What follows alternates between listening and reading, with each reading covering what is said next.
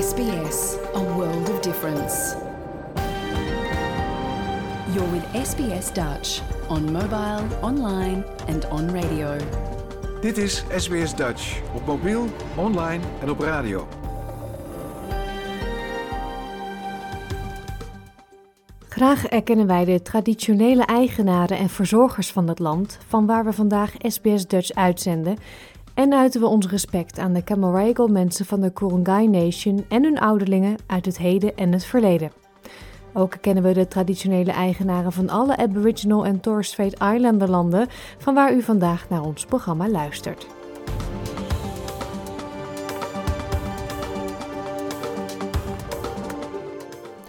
Goedemorgen, mijn naam is Paulien Roesink. Het is zaterdag 13 januari 2024 en dit is SBS Dutch, het Nederlandstalige radioprogramma van SBS.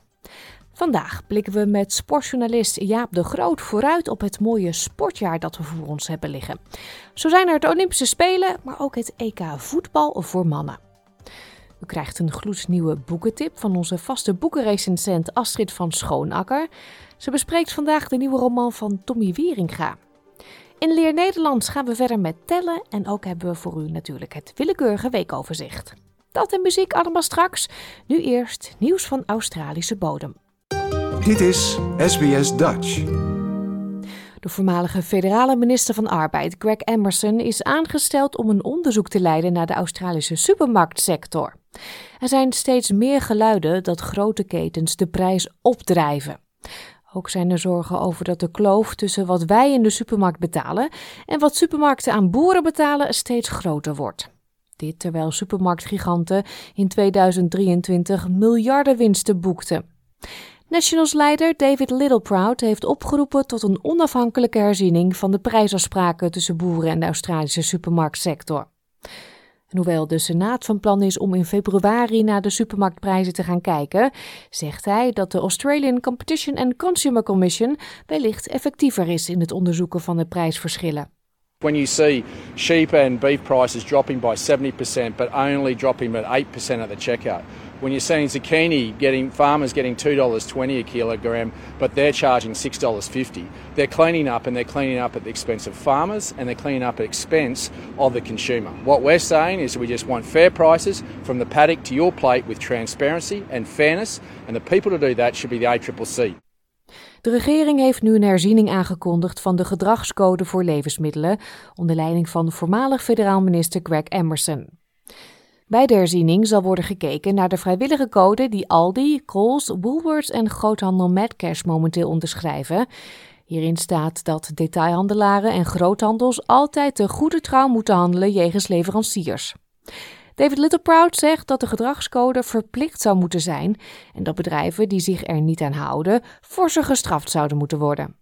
You've got to appreciate this is a statutory review that was scheduled to take place anyway, and this is about the broad architecture of the code of conduct. Uh, we believe openly, the Nationals, that this should be a compulsory code, not a voluntary one. We believe that the penalties shouldn't be where they are at the moment, which is about $64,000. The supermarket pull that out of one of their tills in Sydney or Melbourne to pay for that if they've done wrong.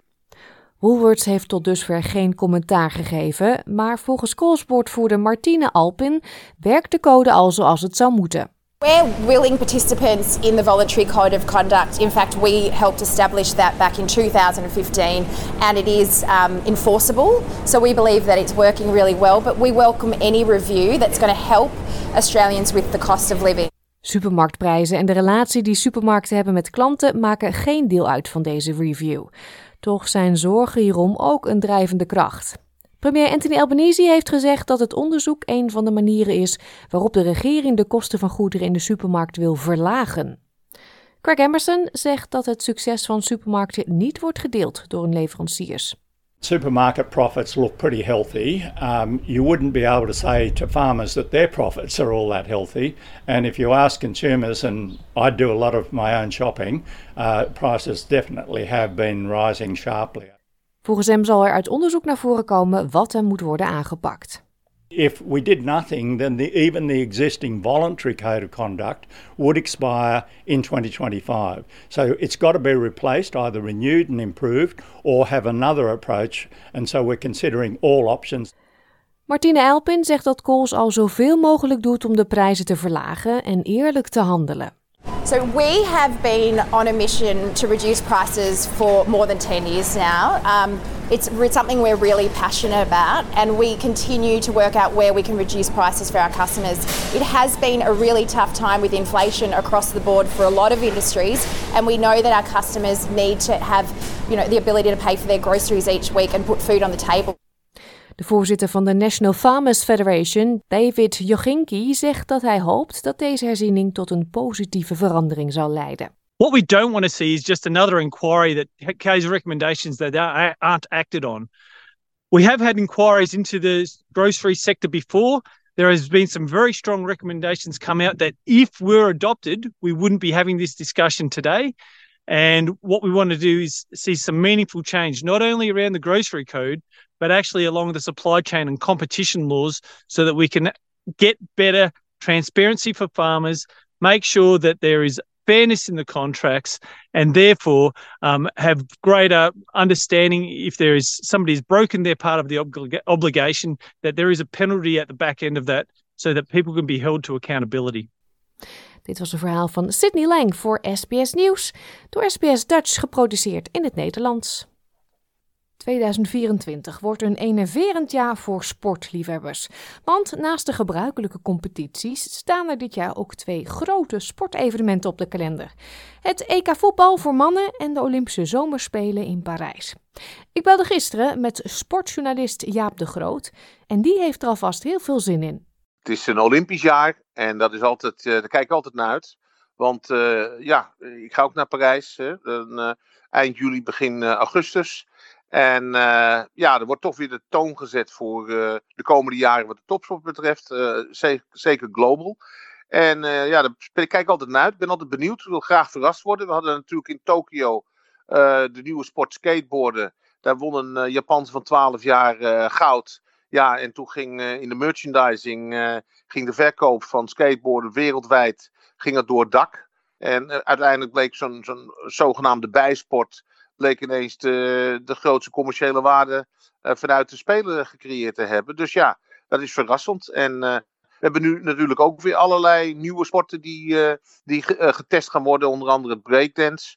Mensen lachen er nu om. Ik laat me graag verrassen. Misschien is het niks, maar misschien worden we erdoor verrast. Dus kom maar op. En natuurlijk het EK met het Nederlands elftal zit eraan te komen. En ja, alles ertussendoor. Het, is, het gaat achter elkaar door, want we hebben dan het EK begint in juni. En dan hebben we twaalf dagen tussen de Spelen. Maar ja, dan hebben we dan Wimbledon en, uh, en de Tour de France nog, uh, nog uh, vinden dan nog plaats. Dus ja, never a dull moment. Nee, het wordt een heel druk Europees sportzomer. Wij hebben hier natuurlijk nu zomer. Wij zijn bijna klaar voor Australian Open.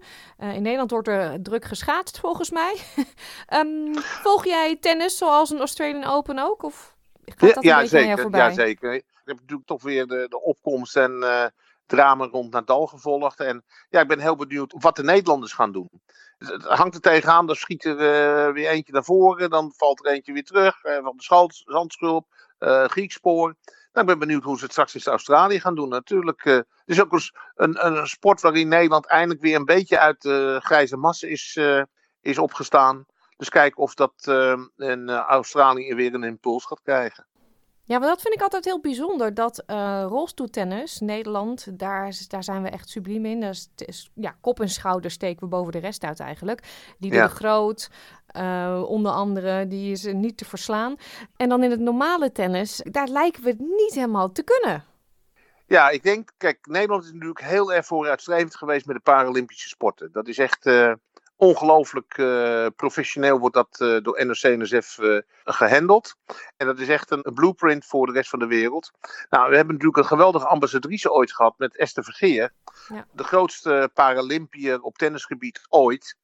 Het echte tennis, of het, ja, het volledige tennis, of hoe je het ook noemen wil. Ja, is de concurrentie natuurlijk wereldwijd gigantisch. Om daar de top te bereiken moet je echt vanaf je jeugd denk ik 24-7 met tennis bezig uh, zijn. Of je moet een uitzonderlijk talent zijn. Maar ja, in Nederland, ja, wat dat betreft, uh, ik heb het gevoel dat we het weer aardig op de rails hebben. Het voordeel is ook, en dat zagen we toen de tijd ook in de tijd van Kraatje, Haarhuis en Elting. Het was ook de groep die elkaar stimuleerde. En nu heb je ja. weer eigenlijk vier talentvolle tennissers. Ja, dat zijn eigenlijk allemaal zeventjes.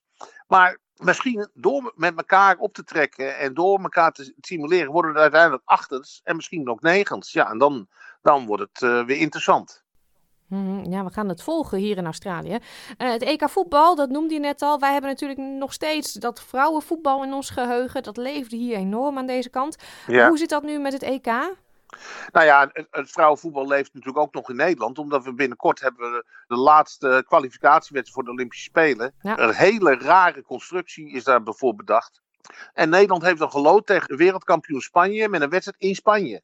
Daar hangt het dus vanaf of Nederland naar de Spelen gaat. Het zou, ja, het zou natuurlijk gezien het traject wat ze gevolgd hebben met uitschakeling ook van Engeland. Het is bizar dat het zo moet lopen. Maar goed, uh, ze krijgen nog een herkansing, omdat uh, Frankrijk als organisator rechtstreeks geplaatst is. Maar, maar het is wel heel gek. Maar dat is de eerste stap die we gaan zetten richting uh, Parijs. En dan krijgen we natuurlijk het EK. En ik moet je eerlijk zeggen, ik heb het al een paar keer in uh, diverse analyses die ik gedaan heb hier in Nederland ook, aangegeven. Het wordt echt natte vingerwerk. We zitten nu in januari. Niemand kan uh, met zijn volle verstand voorspellen wat, hoe Nederland gaat doen. Omdat als je de kwalificatiereeks van Nederland zelf gevolgd hebt, Ronald Koeman heeft een half jaar lang niet één keer over zijn fitte selectie kunnen beschikken.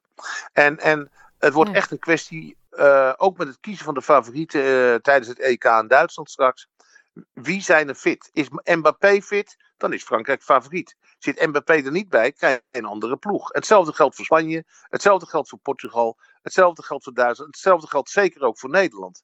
En dan zie je toch weer dat, uh, ja, de discussie over het stampvolle wedstrijdprogramma in de hand gewerkt door de UEFA en de FIFA, die een soort red race met z'n tweeën eh, zijn gestart, ten koste van de clubs, die dan uh, de, eigen, zeg maar, de werknemers zijn van de spelers. Dus uh, enkele weken geleden uh, de deur werd geopend via het Europese Hof in Brussel om de Super League te organiseren.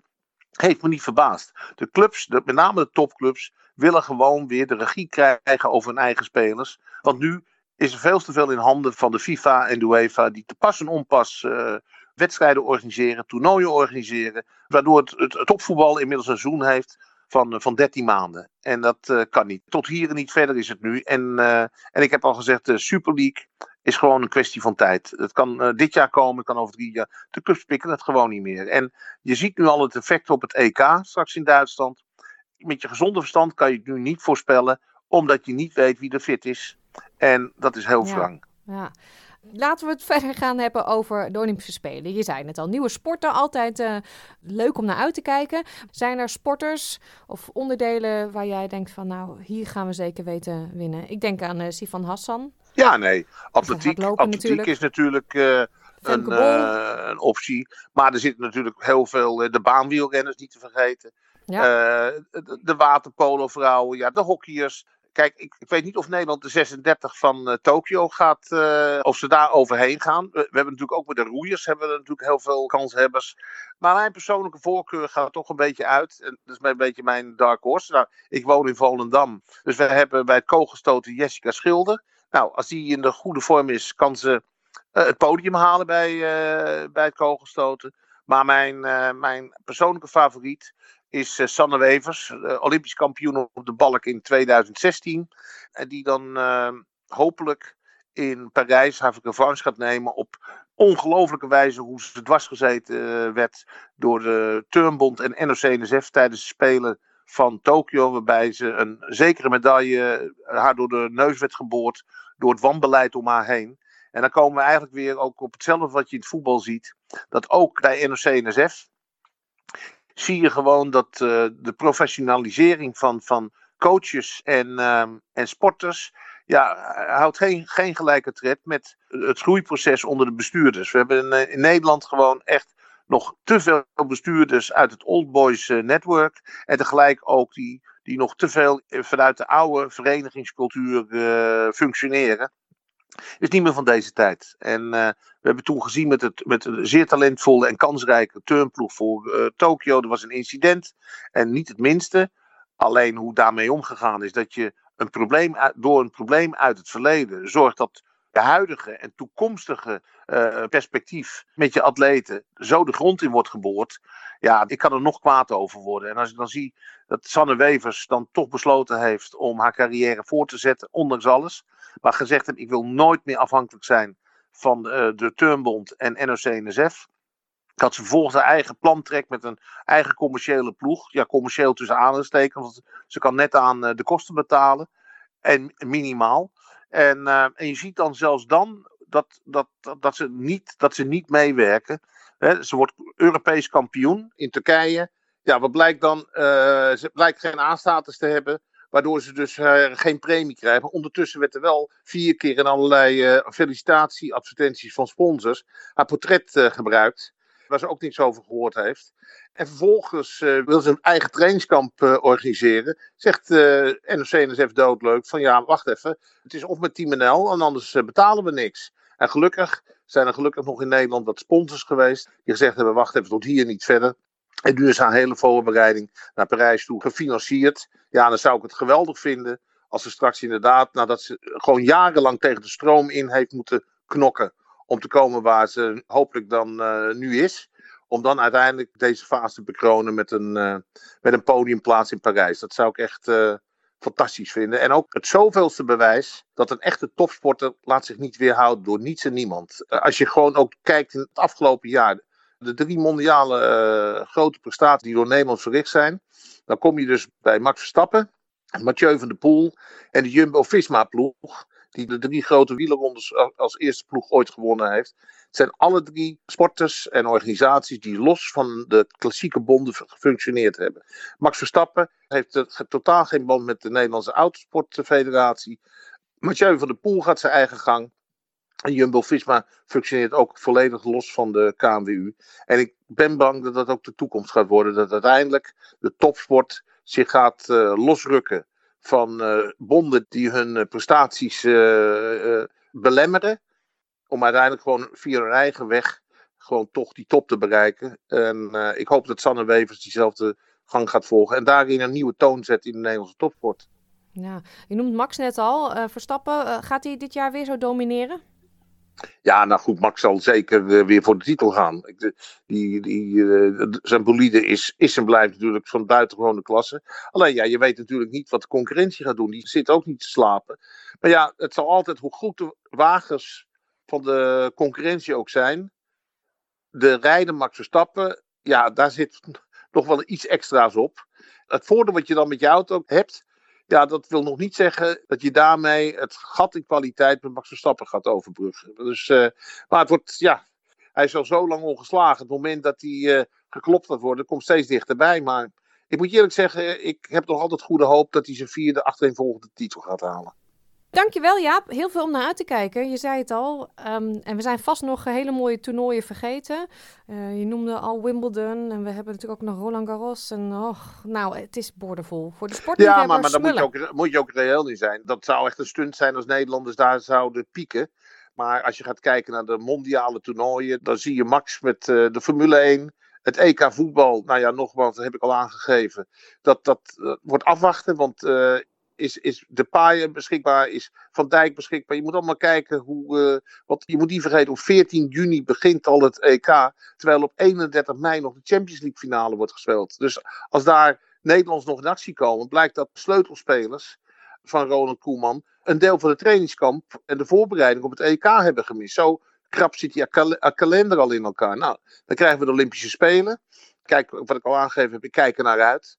Ja, en dan hebben we de Tour de France en, en uh, met Jumbo Visma weer. Ja, hopen dat er eindelijk weer een, een renner uh, wat dichterbij gaat komen.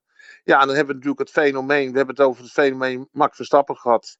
Maar we hebben natuurlijk ook het fenomeen Mathieu van der Poel. Ja. Die niet alleen de voorjaarsklassiekers, uh, daar gaat hij niet alleen voor. Maar hij wil ook natuurlijk voor goud gaan in, in Parijs. Gewoon gekroond worden op de Champs-Élysées als de nieuwe Olympisch kampioen.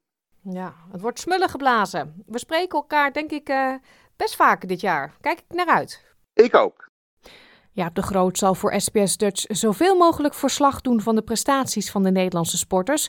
Dus dat komt helemaal goed.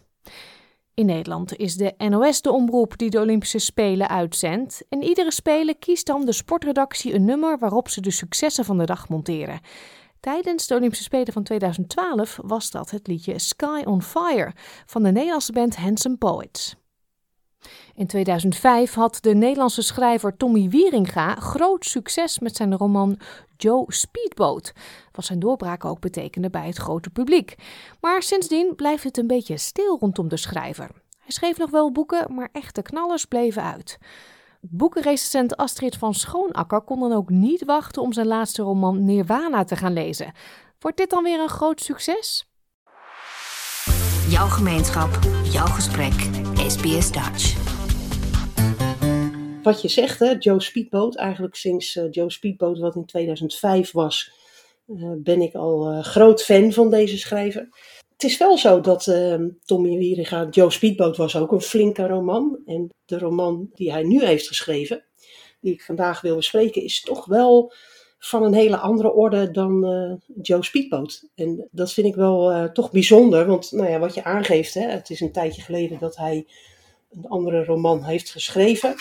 Ja, 2017 las ik terug. Ja, klopt. En uh, hij heeft eigenlijk na Joe Speedboat niet echt meer zo'n hele grote roman, veelomvattende roman geschreven zoals dit boek Nirvana nu is.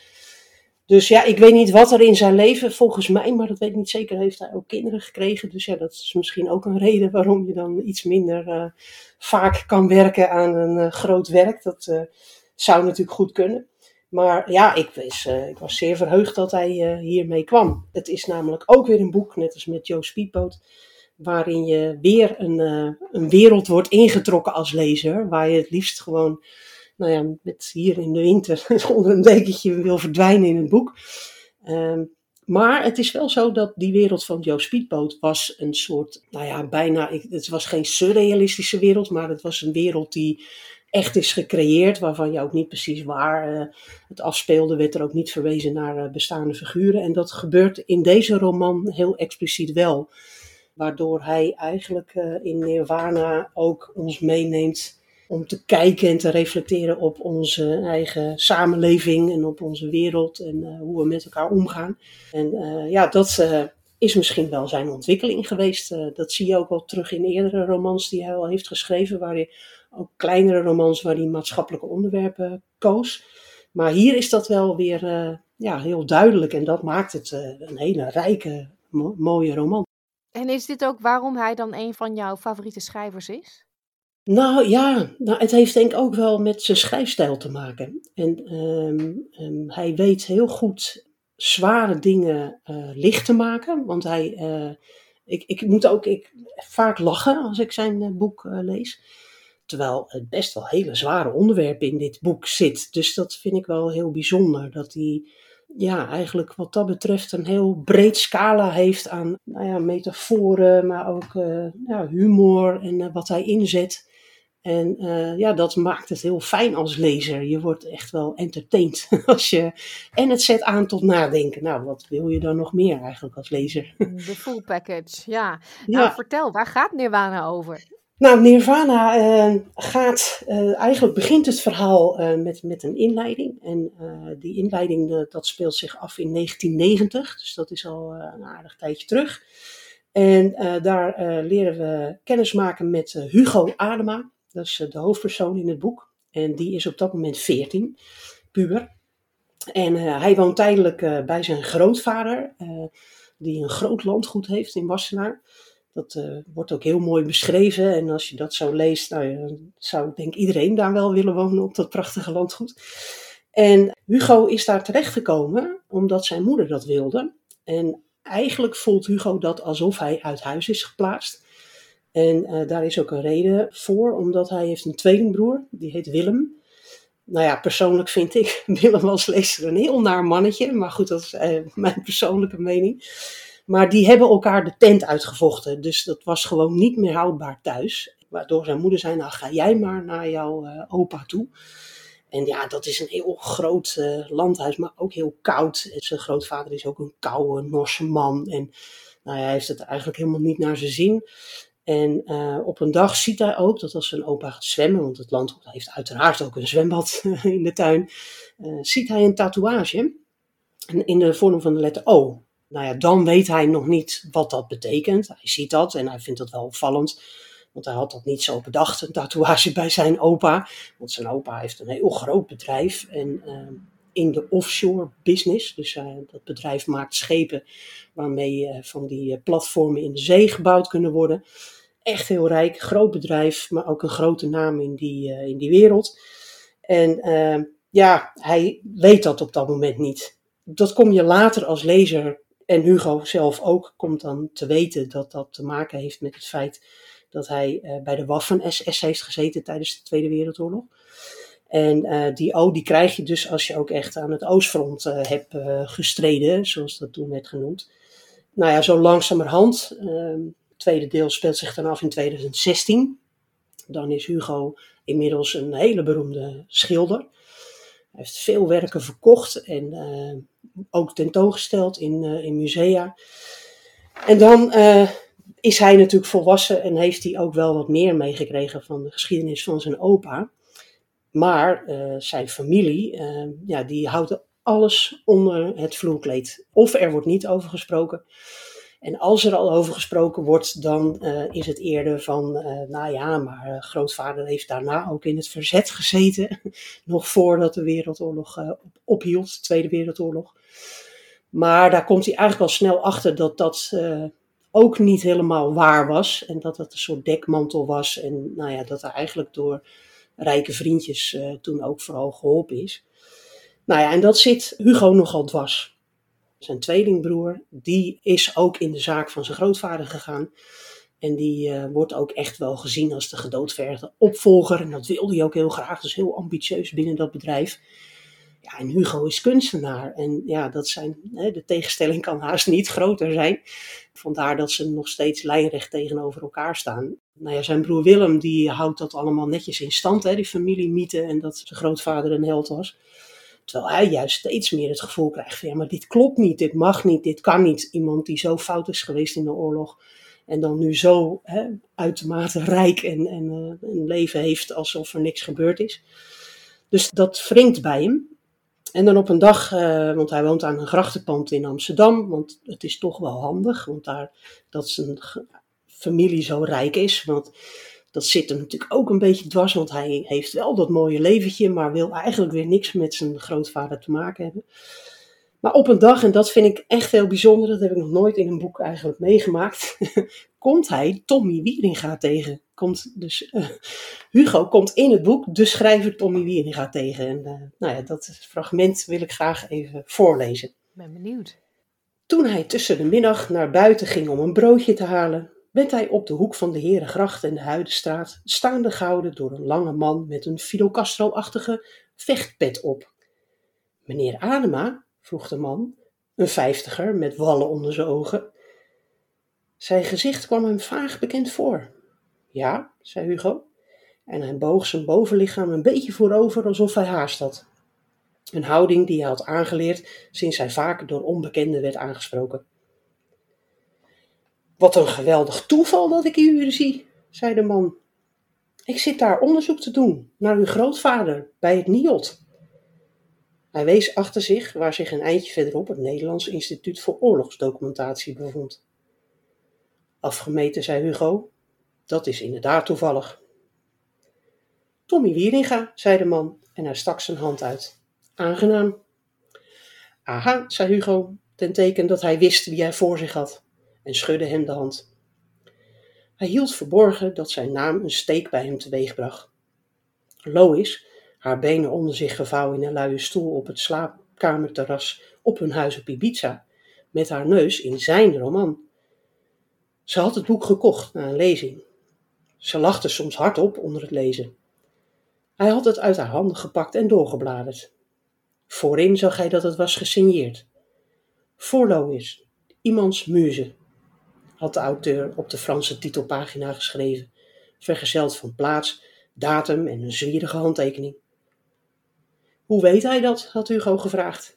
En Lois de opdracht voorgehouden. Misschien schrijft hij dat wel voor alle vrouwen, zei ze. En stak haar hand uit om haar boek terug te vragen. Nu, zo'n tien jaar later, stond hij opeens tegenover hem. Wieringa zei: Ik heb de hele ochtend over hem zitten lezen. Ik doe onderzoek bij het NIOD en nu ontmoet ik hier zijn kleinzoon. Dat is echt. Als je het opschrijft, gelooft niemand het. De schrijver schuwde het cliché niet, zoveel was zeker. Hugo vroeg: Waarom doet u onderzoek naar hem, als ik vragen mag? Ik schrijf over hem, zei Wieringa. Of beter, dat wil ik. Ik ben nog niet zo ver. Ik weet nog niet zoveel. Een heel interessant figuur, uw grootvader. Volstrekt dubbelzinnig. Mag ik u uitnodigen voor een kop koffie? Of voor een lunch? Ik wilde juist gaan lunchen. Hugo schudde zijn hoofd. Ontelbaar keren was hij geïnterviewd, maar altijd over zijn werk. Over zijn familie sprak hij niet met buitenstaanders. Zijn broer, de huidige president-directeur van Adema Marine Operations, gaf hoog zelden interviews. Zijn vader en grootvader waren er nog minder happig op geweest. Ze kwamen niet op televisie en hielden afstand van de social events van de rijken. Hij wist dat zijn grootvader zich in het verre verleden had laten interviewen in Tros Actua. En dat hij wel eens was opgedoken in het Stan Huygensjournaal in de Telegraaf. Maar dat was het wel zo'n beetje. De schrijver glimlachte teleurgesteld. Ik heb uw vader ook al een interviewverzoek gestuurd. Niets teruggehoord, helaas. Ook al schrijf ik fictie, ik onderzoek eerst de feiten. Die zijn vaak interessanter dan alles wat ik kan verzinnen, begrijpt u? Trouwens, vierde hij gisteren niet zijn verjaardag, zijn honderdste? Hugo knikte. Van de trivia was de man in elk geval goed op de hoogte. Hoe is hij? vroeg Wieringa. Is hij nog helemaal bij? Laten we het hierbij laten, zei Hugo. Sorry, zei de ander een beetje geschrokken. Ik begrijp het. Hij stak zijn hand uit ten afscheid en zei toen: Kent u het dossier? Wat daar bij het NIOD ligt? Hugo schudde zijn hoofd. Mag ik u het laten zien? Het ligt allemaal klaar. Het is echt heel interessant. Hugo wist dat in het NIOD, dat maar een paar huizen verwijderd was van het zijne, veel over het oorlogsverleden van zijn grootvader te vinden moest zijn. Maar hij was er nooit binnengegaan. Hij had genoegen genomen met artikelen en trivia die hij op het web gevonden had. De afgronden van een archief boezemden hem angst in. Ik heb wel even, hoorde hij zichzelf zeggen. Nou, en dan uh, gaat Hugo, uh, die toch deze bijzondere schrijver heeft ontmoet, die uh, duikt zelf ook in, in dat archief dat daar in het NIOD ligt. Komt dan weer meer te weten dan dat hij eigenlijk al wist. En hij weet op dat moment ook wat Tommy Wieringa dan weet. En dat stelt hem enigszins uh, toch wel gerust, want Wieringa die geeft ook aan van ja, er zouden ook dagboeken moeten zijn, maar ja, waar die zijn weet niemand. Verderop in het verhaal komen die, en dat is allemaal heel toevallig, worden die eigenlijk in de schoot geworpen van Hugo. En ehm, hij gaat al die dagboeken die zijn grootvader heeft geschreven, net vanaf voor de Tweede Wereldoorlog en tijdens de Tweede Wereldoorlog, die gaat dat lezen. Nou, dan krijgt hij nog meer afschuw eigenlijk van zijn grootvader.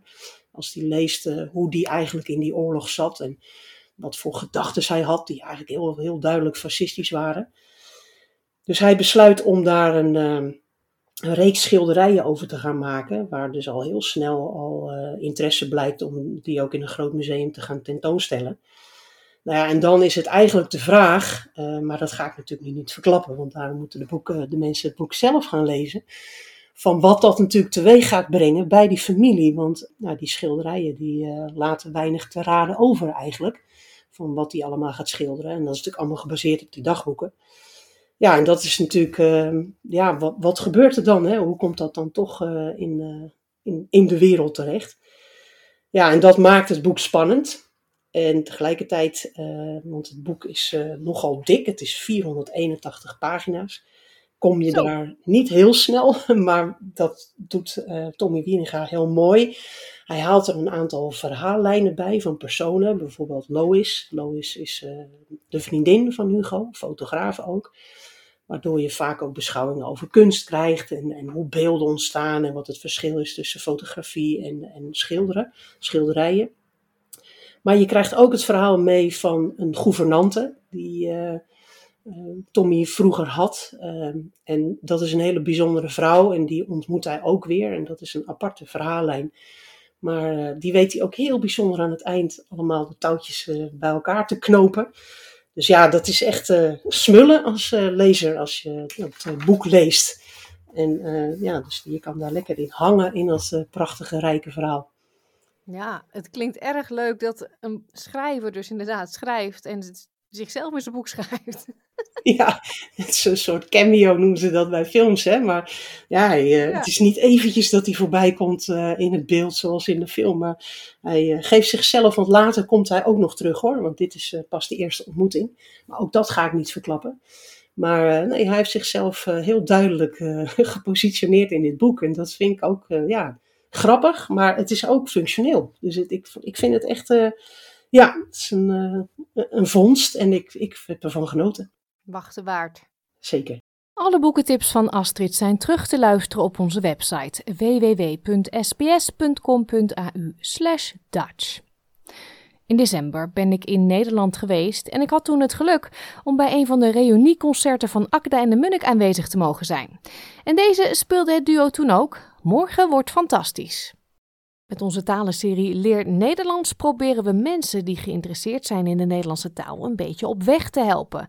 En dat doen we dan met wekelijkse minilessen van Joyce Diebels van Dutch with Joyce.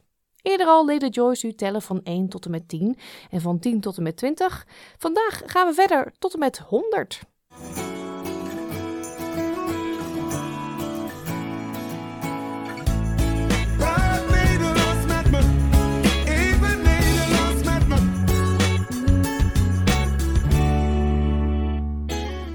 Hoi, ik ben Joyce van Dutch with Joyce and today we have another Dutch lesson. We already had two lessons on numbers, and guess what? We have yet another one. You should already know by now how to count from 1 to 20. And today we are going to learn all the quote unquote T's in the numbers so that you can count up to 100. So let's try and count together. I'll start with the 20, 30, 40 up till 100. And then we are trying to say the specific numbers. Pop quiz, let's see if you remember 10 and 20. What is 10 and 20?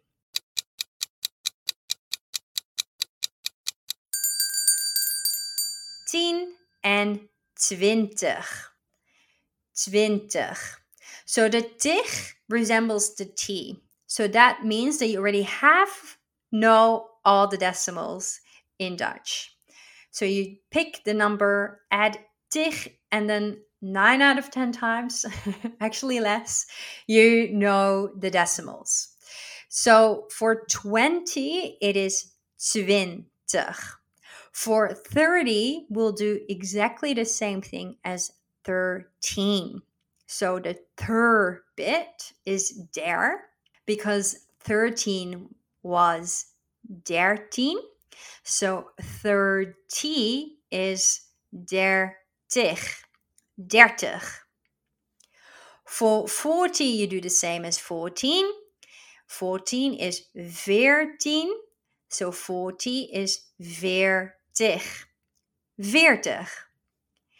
Then 50 up to 90 is pretty much the same as the teens, except for 80. So let's try. 50 is 50, 50. 60 is 60, 60. 70 is 70. 70. Skip 80 and let's go to 90. 90 is 90. 90. Now, what is exceptional with the 80? If you were to translate it directly, you would probably say 80. 80 is also used in Dutch as something else that we add onto a word at the end. To really make sure that pronunciation wise we mean 80, we stick a T in front of it. So rather than 80, we say 80. 80. So 80 means 80. That leaves us with 100, and that is luckily very similar as well. 100 is 100. 100. But keep in mind that in English we tend to say a 100 and something. The a bit in Dutch is uncommon.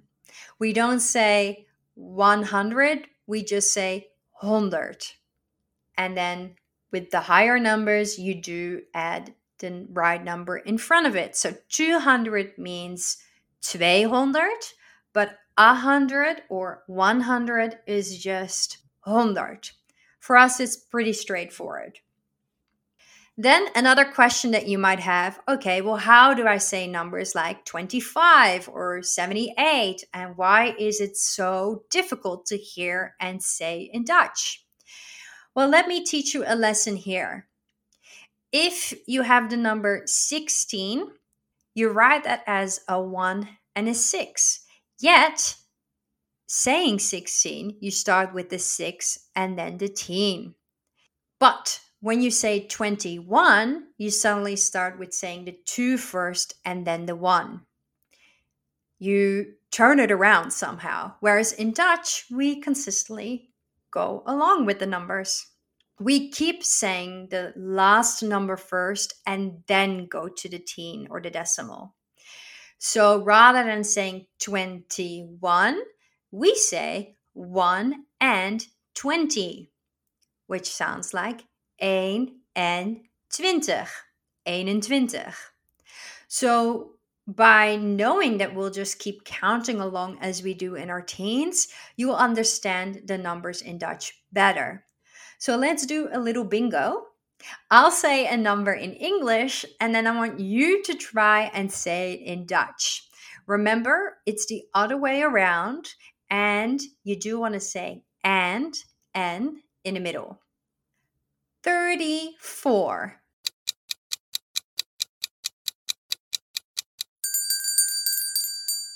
vier en dertig vieren dertig 76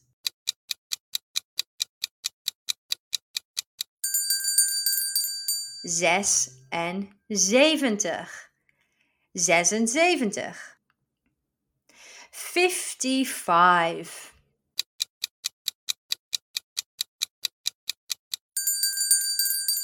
Vijfenvijftig. Vijfenvijftig. Forty-eight.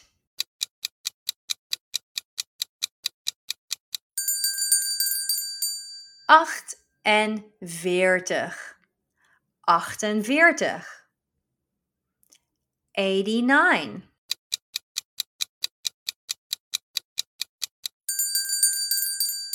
89. 89.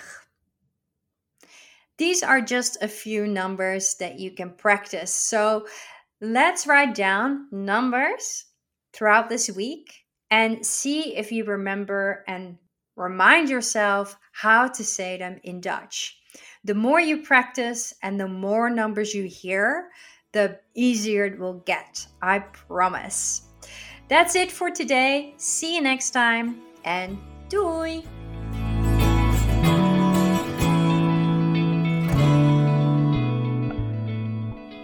Kent u nou iemand die heel graag Nederlands wil leren, maar niet weet waar hij moet beginnen? Stuur degene dan even door naar onze website www.sbs.com.au/dutch, want daar zijn alle lessen met uitleg terug te vinden. Dan is het nu tijd voor een overzicht van enkele opvallende nieuwsberichten uit Nederland van de afgelopen week. Met dank aan de NOS en Rijnmond.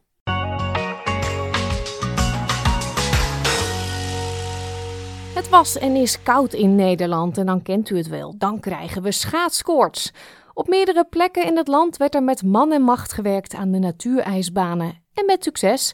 Dinsdag vond de eerste marathon op natuurijs van dit seizoen plaats. Het ijs was in zowel Haagsberg als Winterswijk dik genoeg, maar schaatsbond KNSB gunde Winterswijk dit jaar de eer. De blijdschap was daar natuurlijk heel erg groot. Wij mogen de eerste marathon organiseren. Hier hebben we het allemaal voor gedaan. De ik ben er niet alleen klaar voor, de hele vereniging is er klaar voor. Heel Winterswijk is er klaar voor. Geweldig. Wat dit opgeroepen heeft aan gemeenschapsgevoel, dat is uh, moeilijk te omschrijven. En dat je dan dit dus uh, eruit krijgt, ja, super. Geweldig, hè? Primeur. En uh, ja, kroon natuurlijk op, op het vele werk wat ze gaan doen.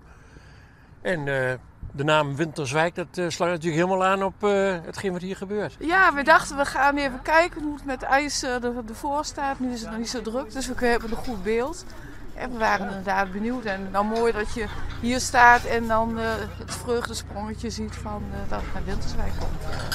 De marathon werd bij de mannen gewonnen door Harm Visser en bij de vrouwen was Marijke Groenewoud de sterkste. Gaan we van de professionals ook even naar de amateurs. Vooral in Friesland zit het schaatsen natuurlijk in de genen. Door het koude weer veranderden ook daar ondergelopen weilanden in een enorme ijsbaan, waar mensen al in alle vroegte van profiteerden, zoals hier in Akmarijp. Ik kom hier elk jaar als ik hier uh, kan schaatsen. Ja, hier op de Blauwe Jes. Het is hier echt uh, prachtig altijd. Waarom zo vroeg? Hoe vroeger je gaat, hoe rustiger het nog is. Ja, het wordt nu alweer wat drukker. En als de zon dan opkomt, dan is het gewoon echt prachtig. Ja, daar kan ik echt van genieten.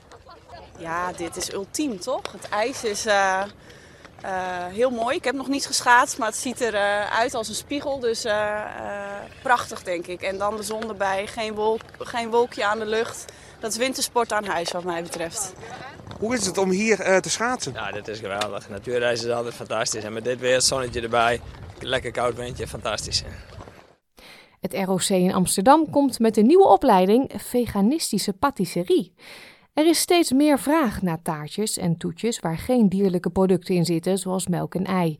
En deze opleiding moet dat mogelijk maken. U hoort een van de bedenkers van de opleiding, docent Dennis de Jong. Het begon eigenlijk bij een vraag vanuit de studenten en het werkveld. Dat, uh, er was steeds meer vraag naar vegan producten waar wij geen antwoorden op hadden. En dat bracht ons eigenlijk op het idee om, uh, om ermee aan de slag te gaan. Wij hebben de opleiding bekeken zoals die er lag, hè, dus de huidige patisserieopleiding.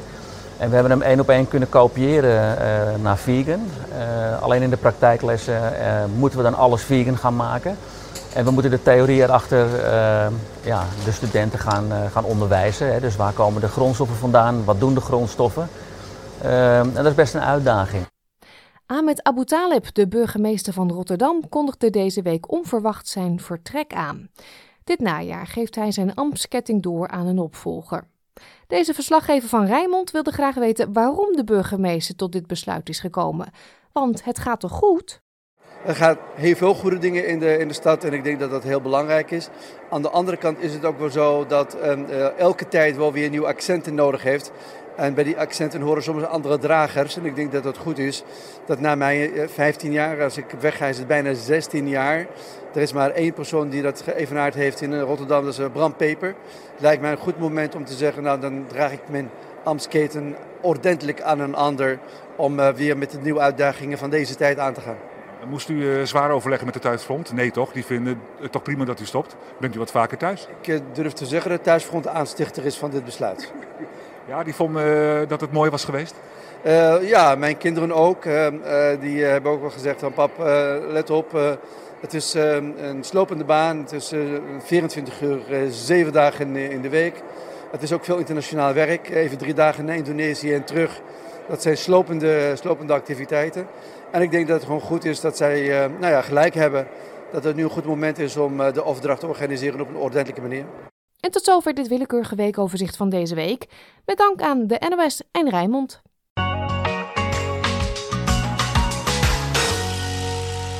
En met het willekeurige weekoverzicht komen we aan het einde van dit uur SBS Dutch. Ga naar onze website sbs.com.au Dutch en luister deze aflevering of een van onze andere verhalen of series terug.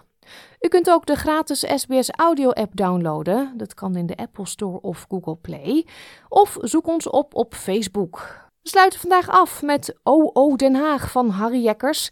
Ik wens een heel goed weekend en graag tot woensdag. Like, deel, geef je reactie. Volg SBS Dutch op Facebook.